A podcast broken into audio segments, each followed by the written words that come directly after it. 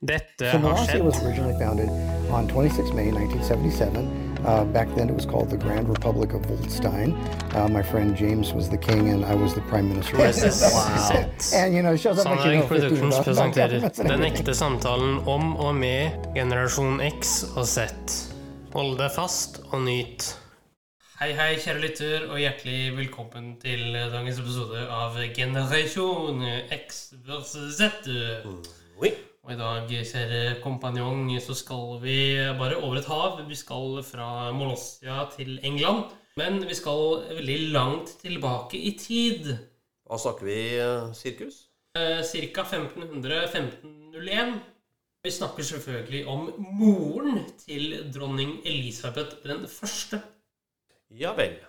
Eh, Ja. Og hvem skal vi fram til da, tror du? Al, an, anbo, en, anbo, ambabo an, Anne Ann Anboylin, ja. Ja, Ah, det er riktig. ok. Uh, hva er det som er spesielt med henne? Det som er spesielt med henne, det er at hun var jo uh, veldig vel utdanna. Og hun hadde jo det forholdet sitt til uh, kong Henry den Ja. og det blei jo ikke skeis, som vi alle vet.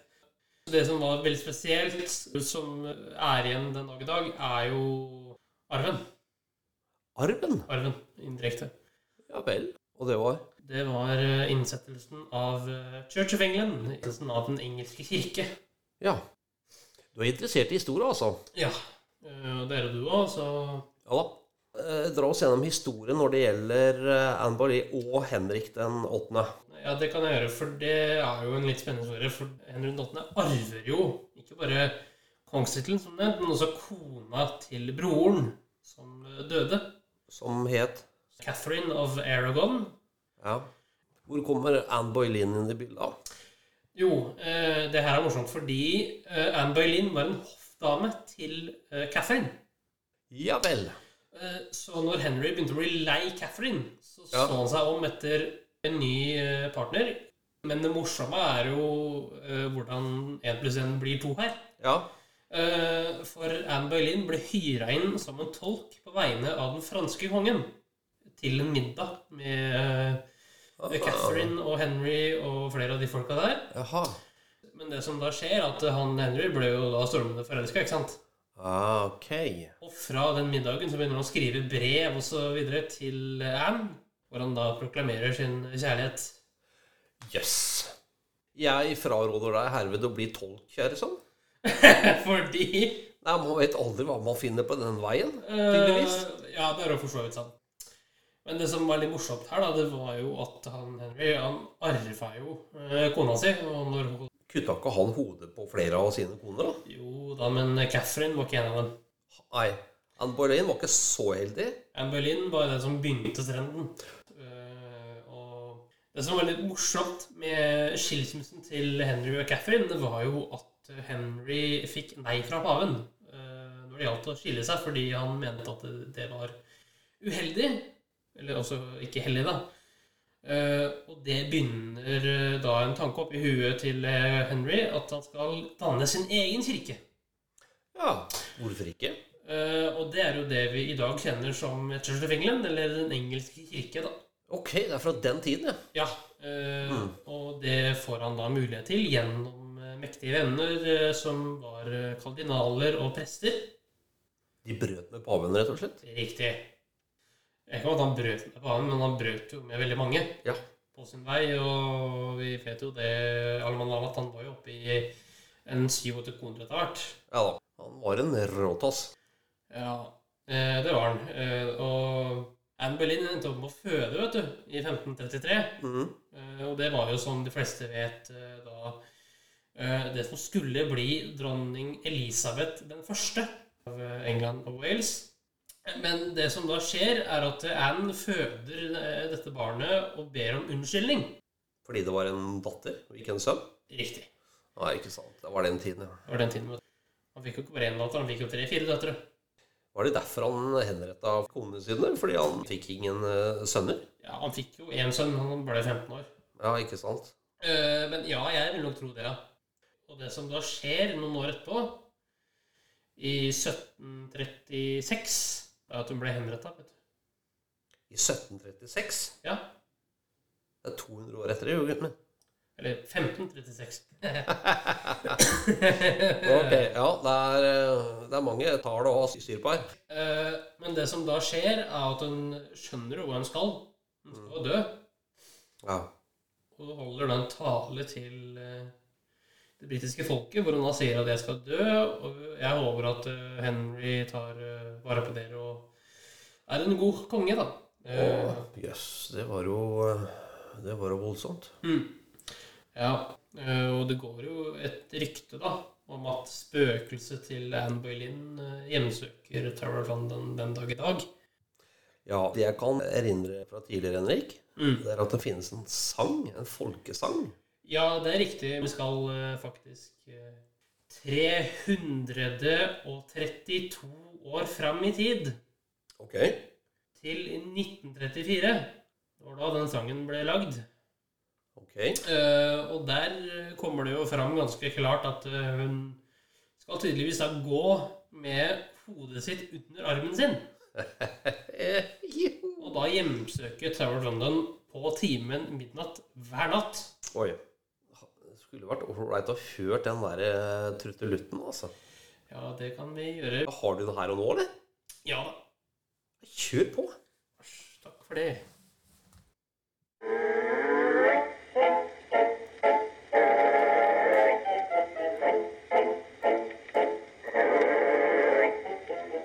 The Tower of London, large as life, Largest life, the ghost of Anne Boleyn walks, I declare. he declared, For Anne Boleyn was once King Henry's wife, King Henry's wife, until he made the headsman Bob her heir. on the Ah, yes, he did it wrong, long years ago. years ago.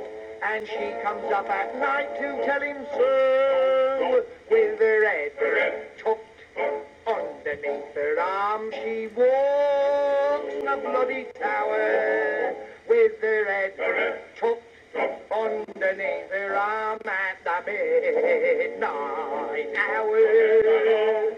She comes to warn King Henry, she means giving him what for. Dad's up, she's going to tell him off for having spilled her gore. And just in case the headsman wants to give her an encore, she has her head tucked underneath her arm. Kult. Ja, øh, og du har jo en historie fra øh, Hvaler kirke som jeg kan dra litt paralleller til her på slutten. Ja. For du mener at man blir kald Ja. ved kirken på et spesifikt punkt. Ja, det har skjedd ved flere anledninger med forskjellige typer personer eh, som jeg kjenner til, som overhodet ikke tenker i de baner om eh, spøkelser og gjenferd og det ene med det andre, men eh, har en veldig sånn ingeniørhode, som jeg kaller det, Mm. som ble totalt satt ut på akkurat et spesielt sted ved kirkegården i Vardø kirke. Ja, kirke. ja, øh, og her har man noe av det samme som blir sagt, at hvis man går i korridorene Mm. bak Anne Berlin, Ja. da blir man kald. Ja. Hadde vært artig å prøve, da. Ja, Ja, men dette, dette er interessant. Nesten så han har lyst til å dra til eh, London bare, bare for å oppleve det, Henrik. jeg, jeg, Vi tar med fotballkamp og pluss litt uh, Silverstrand med FN og sånn i tillegg, så hadde det vært helt uh, topp. Ja, da må vi dra i uh, juni, da. Ja, ja. Juni-juli en gang. Ja, ja, ja. ja. Men si, si nå, du hadde en, eh, en lydfil som du har fortalt. Ja. Og den, hva var det for noe? Nei, det er liksom om litt bisarre ting da, i relasjonen mellom Anne og Henry. Kongen og dronningen. Riktig. Det er jo litt spennende, da. Ja, har du den her og nå, eller? Ja. Anne Boleyn was the daughter of Thomas Boleyn, who at the time was a low level aristocrat known as the Viscount of Rochford. After spending her childhood in the Netherlands and France, Anne returned to England in 1522, probably in her late teens or early 20s. Originally, she was set to marry an Irish cousin. Ah, every young woman's dream. But these plans were put off. Instead, Anne secured a position as a maid to the first wife of Henry VIII, Catherine of Aragon. Queen Catherine was already a widow, having originally been married to Henry's older brother, Arthur, as part of an attempt to secure an alliance between England and Spain. When Arthur died just five months into their marriage, Catherine entered a peculiar state of courtly limbo. She was temporarily named as an ambassador to the English court, which allowed her to remain in the country, and technically also makes her the first female ambassador in European history. Not bad for an arranged marriage that blew up before takeoff. In 1509, as part of an effort to tidy up the situation, Catherine was married to Arthur's younger brother, Henry, to serve as his queen. By 1525, Henry had started to grow dissatisfied with the marriage, which had produced a daughter, Mary, but no male heirs, and he had started seeking comfort elsewhere. This initially included a brief affair with Mary Boleyn, Anne's sister, before Lucky Hank set his sights on Anne instead. Anne had actually already entered into a clandestine engagement with a nobleman named Henry Percy, an heir to the earldom of Northumberland. The king, upon hearing about Anne's relationship with Percy, ordered one of his chief ministers, Cardinal Wolsey, to put an end to the engagement. Wolsey obliged. You, uh, don't say no to the king, especially not this king. Some of Henry's love letters to Anne from this period have survived in the Vatican Library, of all places, and they speak to the genuine feelings the love struck monarch had for his new crush. He referred to Anne as mine own sweetheart, and even circled her initials with heart symbols, which is entirely too damn cute for Henry VIII. It's like the 16th century version of replying to a text with three winking emojis. The letters also give us some insight into how the king viewed romance and love more generally. In particular, the use of elaborate wordplay and Henry's frequent references to himself as Anne's servant speak to his affection for what was known as courtly love stories, which focused on the delicate, chivalrous, and detail oriented dance aristocrats would perform when they grew smitten with one another. He would also sometimes close his letters with a puzzle or a cipher, another common trend in contemporary tales of affairs between nobles. You know, toss a little riddle or word game in there to keep them interested. It's not a bad strategy. At some point in the mid 1520s, Henry decided to try and exit his marriage with Catherine and marry Anne instead. Big whoop, right? Famous people do this all the time. Except ditching the old wife wasn't so simple back then. King Henry was a staunch Catholic, and the Vatican is super uptight about getting divorced. It's part of their brand. Henry had been such a profound defender of the Catholic faith in the face of Martin Luther's growing Protestant movement, Pope Leo X had granted him the title of Fidei Defensor, or Defender of the Faith, in 1521. A complete break with the Church seemed unthinkable, so Henry's plan in 1527 was to ask the new Pope, Clement VII, to annul his marriage to Catherine. His argument was that she had originally been his brother's wife, and thus the pairing was, to quote the king himself, blighted in the eyes of God. It's the old, see, the marriage didn't count in the first place argument. The king sent a secretary, William Knight, to make his case directly to the Pope, but Clement was unmoved by his interpretation of the events. Over the next few years, Henry directed Thomas Wolsey, who is now Lord Chancellor and Archbishop of York, to continue negotiating an annulment with the Vatican on his behalf. But by 1529, it was clear that no agreement would ever be reached. Ultimately, Henry charged Wolsey with treason for his failure and ordered him to return to London, but the cardinal died of natural causes before he could complete the trip. History says natural causes. We say he was terrified of what Henry was going to do to him when he made it to London, so he checked out early. By 1531, Henry banished Catherine from court and decided to move forward with his plans to marry Anne, whether or not the Pope himself was personally on board. Though they weren't yet married or even officially public about their love affair, the duo enacted plans to solidify Anne's role at court. Henry brought her along to meetings with the French King Francis I in 1532, hoping to enlist his support for their union. He also granted Anne the man's title of Marquess of Pembroke, which not only made her a wealthy and important woman overnight, but did so independently of her father, whose land and titles would ultimately pass to his brother, George. Henry and Anne wed in secret in two clandestine services, the first in November of 1532 and the second in January of 1533. You know, one for the family and one for us. Both took place before Henry would formally dissolve his first marriage to Catherine at a hearing with newly named Archbishop of Canterbury, Thomas Cranmer, who was also the Boleyn's family former chaplain. There was no time to wait, as Anne was already pregnant with the couple's first and only child, the future Queen Elizabeth I. Still, they felt a need to remain out of the public eye, as public support still remained solidly with Catherine. Shortly after news of the marriage became public, Pope Clement excommunicated both Henry and Thomas Cranmer. This created a permanent rift between the Catholic Church and the Church of England, over which Henry personally assumed control. Hey, if they won't give you a divorce, just make your own church. Anne was crowned Queen of England in a coronation ceremony on May 31st and June 1st, 1533, which included a procession through the streets of London and a grand ceremony at Westminster Abbey. Oh boy, two days. Hope they had an open bar and a nacho cart. Clearly, they were finished keeping quiet about their new arrangement. Anne wore specifically made robes for the occasion, sewn with golden threads. And for the first time in British history, a queen consort was presented with St. Edward's crown, which had previously sat exclusively atop the heads of actual monarchs. The public response to their new queen was considered lukewarm at best. Following the coronation, Anne moved to Greenwich Palace and prepared to give birth. Elizabeth was born on September 7, 1533. Her arrival was a great disappointment to Henry, who fully believed that having taken such elaborate steps to get out of his relationship with Catherine and replace her as his queen meant that he'd be rewarded with a son and heir. It's unclear why he assumed this. Maybe he'd spend every evening shouting, Boy! at Anne's stomach. Sensing the overall mood at court, most of the royal physicians and astrologers had also been predicting that the child would be a boy.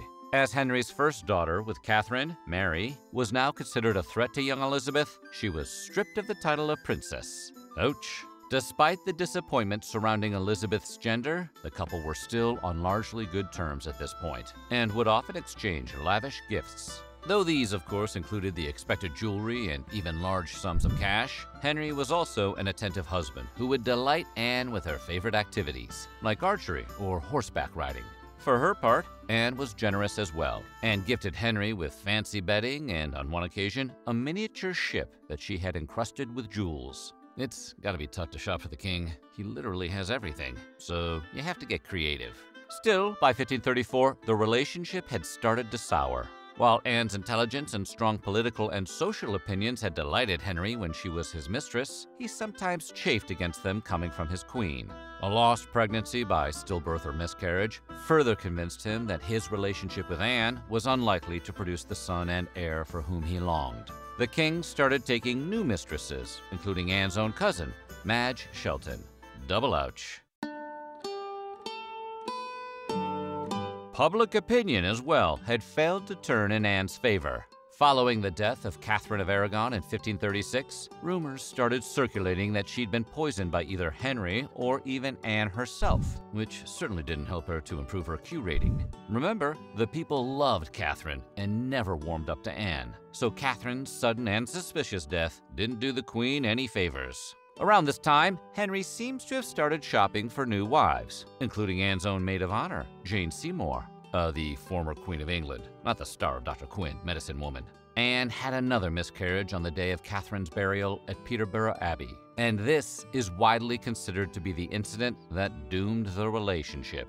While Anne was still recovering, Henry apparently told his closest advisors that he'd been seduced into marrying her by what was then known by the French term sortilège, which would basically be like a modern person blaming witchcraft, like she'd put a spell on him. Regardless, she was never charged with any supernatural crimes or formally accused of partaking in black magic.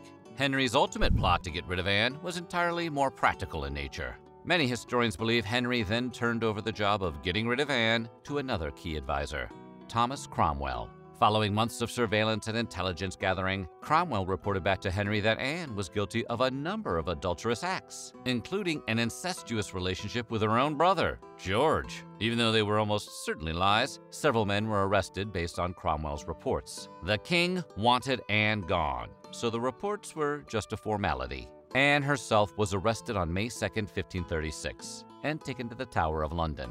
In her final letter to Henry, dated May 6th, she claims total innocence of all charges, saying, Never prince had wife more loyal in all duty and in all true affection than you have ever found in Anne Boleyn.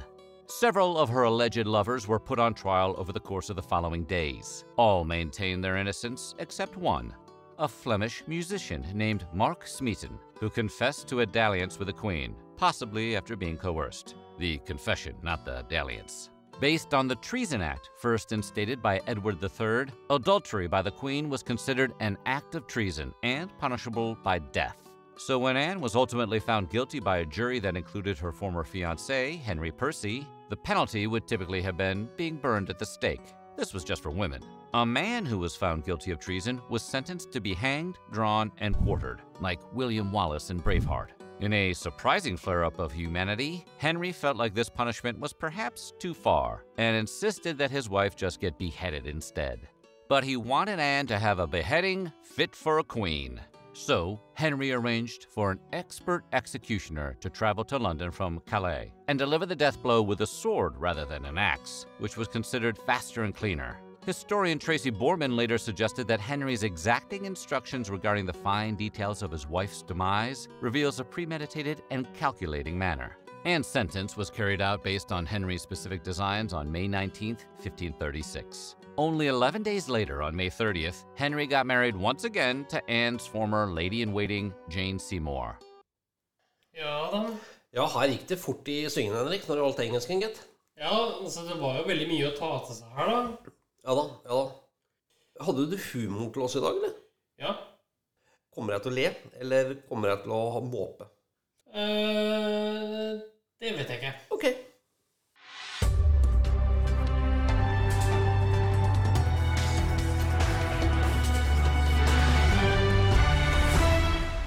NRK-hjørnet.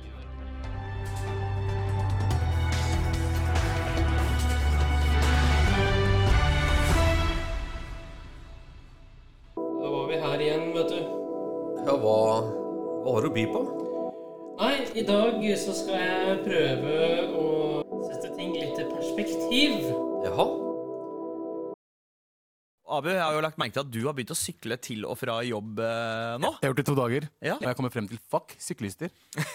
Og du er Som selv? syklist sjæl. Som syklist, fuck Ja. meg også. Ok. Eh, fordi de basically dytter deg bort fra sykkelveien for å komme seg forbi, og så stopper de ikke på rødt. Nei. Og jeg holdt på å krasje med en annen syklist i dag. Oi. For den, pers altså, den kom fra venstre, og jeg skulle rett frem, og så stoppa han ikke. Den hadde høyreregel. Ja, det, også, jeg hadde grønn lys, også, jeg hadde grønt lys i eh, veien. Mm. Altså, det stoppa ikke i det hele tatt. Og jeg bare, what the fuck, liksom De slår biler og shit. Jeg har liksom sett videoer der, liksom, der de liksom du, du, bare banker sykler på Og jeg som en uh, lovlydig mann, jeg syns det her er helt forferdelig. Oi. Eh, noen kom til å dø. Eh, Så eh, vet du hva, syklister der ute uh, det, jeg, jeg skjønner hvor folk, hvor, hvorfor folk hater Og det. noen ganger Noen ganger så er det fortjent, og at noen Nei, får nei, altså, jeg, jeg er på bilistens side 100 altså. Fuck syklister for alltid. Etter to dager som stolt syklist. Jeg bare sier det. jeg, altså, jeg, jeg, jeg, jeg lo vel ikke, men fy fader, da. Det var jo en Ja. Syklister, pass dere. ja, det Pass opp. Vær forsiktig. Kjør pent. Ja, det, jo, det var jo det som var moralen da i dagens NRK-hjørne. Og i dagens episode så har moralen vært at prøv å ikke gjøre eh, feil mennesker sinte. Jo, ja, det var den, ja. Ja, ja. Det var, Eh, men jeg er ikke ferdig, skjønner du. du er ikke ferdig, nei? Nei? Jeg har eh, en liten eh, lov til folket i dag. Du har en liten lov til folket. Jeg er spent. Det er jeg også. Lex Henrik. Ja, eh, nå er vi her, da. I eh, min del av eh. Hva er du eh, skal ha lov på nå? Jo, nå så skal jeg ha en lov på noe som jeg og flere andre ikke er så veldig glad i. Ja. Det er den klassiske møtedrageren. Møtedrageren. Ja. Fortell. Er den som drar ut møter til det uendelige. Oh. I dag så skal jeg gjennomføre en lov, eller jeg skal prøve da å få gjennom en lov som stopper de fra å gjøre det. Og den loven begynner som følger. Ja. Eh, I ethvert møterom, eller i ethvert rom som kan brukes som et møterom, skal det være båndtvang. Båndtvang. Ja. Det må du forklare. Jo, eh, båndtvang, det vil da si at man er påbudt å ha på seg et strømførende avspann gjennom hele møtet, Ja. eh, som er tidsinnstilt ja. av en sivil politibetjent som er i rommet hele tiden. Som da har kontroll over de båndene. Så hvis du går over tiden med fem minutter, så får du støt. Ja, da kommer det første støtet, og da kommer nytt støt ti over tolv, og kvart over tolv, og ti Ok. på halv ett, osv. Uh, og det skal da en sivil politibetjent ha kontroll over. Som da gir deg en bot på 500 kroner hvert femte minutt du har gått over. Både støt og, og bot. Ja, Ja vel, ja. Eh, ikke bare det, men det mennesket skal også få eh, et merke i hånda første gangen, eh, som et slags eh, tyvsmerke til de som vet hva det er. Nå snakker vi eh, straffeforfølgelse, iallfall i Norge, for tyveri eh, for 200-300 år siden. Tyveri, drap Ja, eh, det er riktig, det. Eh, det er første gangen. Andre gangen skal det samme skje, bare at det skal skje på ryggen. Ja. Og tredje gangen, da skal det skje med panna. Hva består det symbolet av, da? Sånn du svimerket? Hva slags det, merke er det? det svimerket det sier til allmennheten at det mennesket her det er eh, glad i å dra ut møter. Ja, symbolet det er eh, en eh, pult Ja. og et ark. Og det skal da svies inn permanent. Uh, ja. Eh, hvor mye vil det koste, tror du, å ha en politimann på ethvert møte tilgjengelig, f.eks.